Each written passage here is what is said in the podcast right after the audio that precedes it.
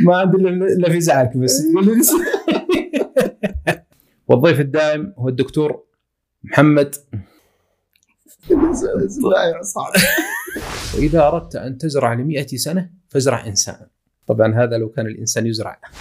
حقيقة مهندس حسين أنا لاحظ آه، وللأسف ومع هذا اللبس في فهم المعنى الحقيقي للقيادة. بالفعل حتى وإن أصبحت جزء من حياتنا إلا أنها علم. فهل القيادة فطرية أم مكتسبة؟ سؤال عميق حقيقة. بل إن القائد الناجح يكون لديه كمال القيادي بل إنك تجد أطفال يلعبون في الملعب أطفال. تجد أحدهم عندما تلاحظهم ملاحظة دقيقة تلاحظ السمات القيادية عليه. تلاحظ هذا الطفل هو من يوجه اللعيب هو من يأمر بالبدء. ويضع الخطة. ومن يضع الخطة وأحيانا تضع تجده إذا زعل عليهم يمسك الكرة ويطلع وما أحد يكلمه. هذه هذه فعلا هي القيادة طيب. موجودة لدى الأطفال الصغار. القائد مؤثر عندما تقود شيئا تكون في مقدمته وهو يتأثر بك. القيادة من القود والقود عكس السوق. السوق يأتي من الخلف ويكون فيه نوع من من الإكراه نوع من الإجبار فيه نوع من عدم الرضا. بينما القيادة فيها نوع من الارتياح والتأثير والقبول يعني ربط القيادة بالرشد ينفذونها برضا وباستجابة. القيادة تعلمنا التنظيم، وضع الأهداف، التخطيط، كيف أنظم وكيف أكون منظما. كيف أؤثر في الآخرين، كما هو معروف بأن التنظيم عكس العشوائية، كيف نخطط؟ وكيف نضع أهدافنا؟ وكيف نصل إلى تلك الأهداف؟ لكن القائد يسابق الحدث. لأن القائد مؤثر هناك فرق بين القيادة والإدارة. ال ال الإدارة سلبية والقيادة إيجابية. حياة في الإدارة، إدارة وليس قيادة. هذا الفكر الإداري الراقي. أشكرك أشكرك أشكرك وبالمناسبة التنمية تحتاج إلى القيادة الواعية عندنا روح النظام ونص النظام. هيا بنا. Welcome to this podcast. السلام عليكم ورحمة الله وبركاته. هذا بودكاست سؤدد وأنا حسين الغوازي والضيف الدائم هو الدكتور فايع عسيري. حياكم الله في الحلقة الثانية من هذا الموسم الأول والتحية موصولة للضيف الدائم. حياك الله يا أبو محمد. حياكم أبو محمد عبارة القيادة قد تربط في ترجمة معناها بمجالات مختلفة منها عسكرية وإدارية واجتماعية حتى قيادة الأب في أسرته. وغيرها. ومع هذا اللبس في فهم المعنى الحقيقي للقيادة فما هو التعريف العلمي للقيادة؟ أيضا الشق الثاني من السؤال إذا كان موضوع القيادة جدير بالذكر والطرح والفهم والمتابعة فما أهميتها؟ بسم الله الرحمن الرحيم. بالفعل القائد آه، كل واحد منا يمارس القيادة في شتى مجالات حياتنا آه، سواء كانت آه، نمارس القيادة عمليا نمارس القيادة اجتماعيا كما تفضلت حتى الوالد يمارس القيادة في إدارته لبيته ومع من يعود. ولذلك حتى وإن كنا نطبقها في حياتنا وحتى وإن أصبحت جزء من من من حياتنا إلا أنها علم ولها تعريفاتها ولها مؤلفاتها ولها من كتب عنها بل بالعكس يعني يؤلف فيها بحوث ومؤلفات من أجمل ما قيل في أو ما عرفت به القيادة تعريفان أحدهما تعريف عام والآخر تعريف خاص. جميل جميل. ابن منظور رحمه الله عرفها بأنها القيادة من القود والقود عكس السوق ولذلك يقول بأنك عندما تقود شيئا تكون في مقدمته جميل. وتقوده إليك جميل. وهو يتأثر بك بالمناسبة القائد مؤثر وبالتالي فمن يقاد سيؤثر سيتأثر بمن يقوده بعكس السوق كما يقول ابن منظور بانه السوق يأتي من الخلف ويكون فيه نوع من من من من الإكراه يكون فيه نوع من الإجبار يكون فيه نوع من عدم الرضا بينما القيادة فيها نوع من الارتياح والتأثير والقبول لدى المرؤوسين أو من آه، يقودهم ذلك القائد. جميل. التعريف العلمي العام طبعا هذا تعريف ابن منظور نعتبره تعريف مخصص للتفريق بين يقود ويسوق.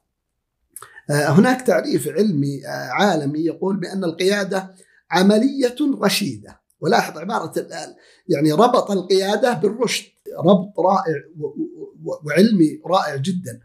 يقول بأنها عملية رشيدة يقوم بها القائد آه، من خلال التأثير في المرؤوسين أو التابعين من خلال توجيههم من خلال إرشادهم من خلال إعطائهم الأوامر والتعليمات والتأثير فيهم. طبعا أنا الآن كقائد آه، أوجه وأرشد وأعطي التعليمات والأوامر وفي المقابل لابد أن أكون مؤثرا تاثيرا ايجابيا آه، على أولئك المرؤوسين لكي يتقبلوا هذه التوجيهات والتعليمات وبالتالي ينفذونها برضا آه، وباستجابة. بعكس أن يكون هناك إكراه أو إجبار. القيادة معروفة بأنها تأثير إيجابي على المرؤوسين. فيما يتعلق بأهمية القيادة، القيادة في حياتنا بشكل عام آه، مهمة جدا سواء في الجانب العملي أو الجانب الاجتماعي أو الجانب الشخصي. القيادة تعلمنا التنظيم، القيادة تعلمنا وضع الأهداف. القيادة تعلمنا التخطيط وبالمناسبة سأتحدث لكم فيما بعد بإذن الله عن الفرق بين القيادة والإدارة طبعا إذا سمحت لي أكيد, أن أكيد. مهم جدا أن نفرق بينهما. فمن وظائف الإدارة وأولى وظائف الإدارة التخطيط. وبالتالي القيادة تعلمنا كيف نخطط وكيف نضع أهدافنا وكيف نصل إلى تلك الأهداف. من خلال ما يعرف بالمصطلح العلمي المشهور الرسالة.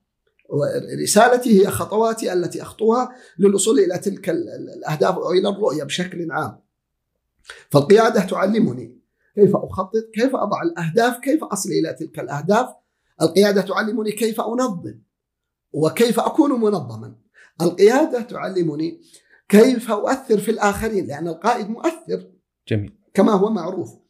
آه، القيادة مهمة في أنها كما هو معروف بأن التنظيم عكس العشوائية، فالقيادة تعلمني آه، أن أتخلص من العشوائية، أن أتخلص من السلبيات. الإدارية في تنظيمي لحياتي في تنظيمي لعملي وبالتالي كيف أصبح أكثر آه، تنظيما وغيرها الكثير من الفوائد القيادية إلا أنني ركزت على أهم هذه الفوائد. اذا يا أبو محمد آه، القيادة أشمل وأعم من كونها أن يشغل الإنسان منصب ما فهي من الأهمية بقدر حيث يقول المثل الصيني إذا أردت أن تزرع لسنة فازرع قمحا. وإذا أردت أن تزرع لعشر سنين فازرع شجرة. وإذا أردت أن تزرع لمئة سنة فازرع إنسانا طبعا هذا لو كان الإنسان يزرع. كلام جميل يا أبو محمد. أبو محمد يقول عمر السليم الناس يواكبون الحدث الناس يواكبون الحدث لكن القائد يسابق الحدث. وكان في ذلك إيحاء بأن القيادة قد يكون فيها حدس أو قد تكون بالحدس. فبين من يقول أن القيادة فطرية وبين من يقول أنه يمكن تعلم اكتساب القيادة. فهل القيادة فطرية أم مكتسبة؟ وما هي شروط القائد؟ سؤال عميق حقيقة مهندس حسين أشكرك حقيقة. القيادة حقيقة هي مكتسبة والقيادة فطرية. جميل. بل إن القائد الناجح من يجمع ما بين القيادة الفطرية والقيادة المكتسبة حقيقة يكون لديه نوع من الكمال القيادي. القيادة فطرية وموجودة في فطرة كل واحد منا. جميل. حب القيادة، حب التوجيه، حب الإرشاد، حب ال ال ال ال أن يكون قائدا للآخرين، حتى قيادة الوالد لأبنائه وعائلته في بيته، بل إنك تجد أطفال يلعبون في في الملعب أطفال صغار. تجد أحدهم عندما تلاحظهم ملاحظة دقيقة تلاحظ السمات القيادية عليه. اللي اللي هي القيادة الفطرية. تلاحظ هذا الطفل هو من يوجه اللعيبة. هو من يأمر بالبدء. وحتى لو ما كان هو الحكم. ويضع الخطة. ومن يضع الخطة وأحيانا تضع تجده إذا زعل عليهم يمسك الكرة ويطلع وما أحد يكلمه. هذه هذه فعلا هي القيادة الفطرية. صحيح. موجودة لدى الأطفال الصغار. نعم. وقس على ذلك بقية الأعمار. القيادة موجودة لدى كل واحد منا كقيادة آه، كسمات آه، فطرية. ما هي القيادة المكتسبة؟ أو ما هي السمات التي يجب أن تكون مكتسبة؟ من خلال تعلمنا للقيادة بشتى مستويات التعليم إما أن نتعلمها في حياتنا من ممارساتنا للقادة من حولنا إما أن نتعلمها كدراسة أكاديمية في الدراسة النظامية إما أن نتعلمها من خلال إقحام القيادات العليا لنا في بعض المهام و و و ونشكرهم على ذلك أننا تعلمنا شيئا جديدا واستطعنا ان ان, أن نتعلم القيادة ونمارسها. نعم. من خلال المشاركة مع الآخرين في فرق العمل والتعلم مما لدى الآخرين، لدى كل إنسان سمات آه، قيادية تتقاطع مع سمات الآخرين وتختلف عنها وبالتالي الذكي والحريص على تعلم القيادة هو من يتعلم من كل سمة آه، من هذه السمات ويصبح لديه مكنون علمي عن القيادة وبالتالي آه، يمارس هذه القيادة باحترافية. جميل جدا، اذا القيادة فطرية مكتسبة. نعم مشترك. اسمح لي أبو محمد ننتقل إلى محور آخر أرى أنه من المهم أن نتعرض له. أحد القادة المعاصرين الكبار والذين نلمس إنجازاتهم وأعمالهم الجليلة اليوم هو الوزير والسفير غازي القصيبي رحمه الله. وله عدة بصمات في عدة مجالات سواء أدبية أو إدارية أو غيرها. وقد كتب عن حياته الإدارية ومشواره الإداري في كتاب أسماه حياة في الإدارة. ونلاحظ أنه قال هنا إدارة وليس قيادة. فهل هناك فرق بين القيادة والإدارة؟ وايهما أولى القيادة أم الإدارة؟ أشكرك أشكرك أشكرك على هذه الإطلالة الرائعة. اولا نقول رحمة الله على غازي القصيبي. آمين. نسال الله أن يجمعنا به في الجنة. فقد استفدنا منه كثيرا في الإدارة واستفاد منه الكثيرون. وله بصماته حتى في التنمية. وبالمناسبة التنمية تحتاج إلى القيادة الواعية مثل هذا الفكر الإداري الراقي. هناك فرق بين القيادة والإدارة. وفي نفس الوقت كلاهما مهم للآخر. حقيقة مهندس حسين أنا لاحظ آه، وللأسف البعض يقول كن قائدا ولا تكن مديرا. نعم. ابتعد عن الإدارة. لا تكون مدير. خليك قائد. ال ال الإدارة سلبية والقيادة إيجابية. آه، عبارات مثل هذه مثل هذه العبارات آه، حقيقة أقل ما أقول عنها أنها أبعد ما تكون عن التأصيل العلمي جميل. والتأطير العلمي الصحيح جميل. الإدارة مهمة والقيادة مهمة الإدارة هي أساس القيادة هذا اولا الإدارة علم من العلوم الإنسانية والقيادة جزء من الإدارة جميل. الإدارة بناء وتأسيس وبداية طيب. ثم تأتي القيادة بعدها ولذلك لا ينصح بأن نبدأ بممارسة القيادة ما لم يكن لدينا الخلفية العلمية عن الإدارة. لا ينصح بممارسة القيادة بمهارات القيادة المعروفة ما لم يكن لدينا القاعدة الإدارية القوية. جميل جميل. في التخطيط الاستراتيجي إذا سمحت لي مهندس حسين. أكيد. آه، في التخطيط الاستراتيجي آه، عندنا طبعا التخطيط ثلاث مستويات، تخطيط استراتيجي نضعه ابتداء ثم نحوله إلى تخطيط متوسط المدى ثم آه، ننزل إلى أرض الواقع ننقل إلى أرض الواقع وننتقل إلى الخطة التشغيلية أو الخطة آه، قصيرة المدى. أو التنفيذية؟ هناك خطة تنفيذية وهناك خطة تشغيلية وهناك فرق بينهما بالمناسبة. طيب طيب. لكن كلاهما قصيرة المدى. في الخطة قصيرة المدى أو التشغيلية وكذلك في الخطة التنفيذية عندنا الإجراءات. طبعا في الخطة الاستراتيجية لدينا الأهداف العامة والمبادرات العامة ونضع لتلك المبادرات مؤشرات. في الخطة التشغيلية لدينا الإجراءات. كيف أطبق تلك المبادرات. ما الذي يحكم هذه الإجراءات؟ الإدارة وليست القيادة. يا سلام. علم الإدارة هو من يحكم تلك الإجراءات. علم الإدارة هو من يضع الأسس.